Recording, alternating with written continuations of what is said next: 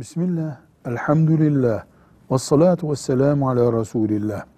Günahlarından temizlenen, tövbe ederek temizlenen, eski temizliğine ve safiyetine kavuşabilir mi?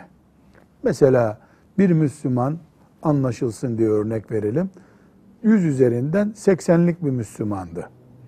Büyük bir günah işledi, o günah sebebiyle 60'lara düştü değeri, Allah katındaki derecesi. Misal, böyle bir bilgimiz yok.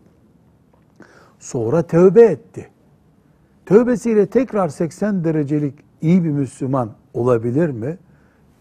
Tövbesi gerçekse, tövbesini koruduysa, ondan sonra mümin hayatına devam ediyorsa, eskisinden daha iyi de olabilir. 85'lik de olabilir.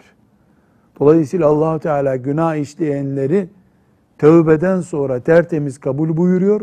Üstelik de onlara ilave sevap da verebiliyor. Yeter ki kulları küflenip günah bataklığında kalmasınlar. Velhamdülillahi Rabbil Alemin.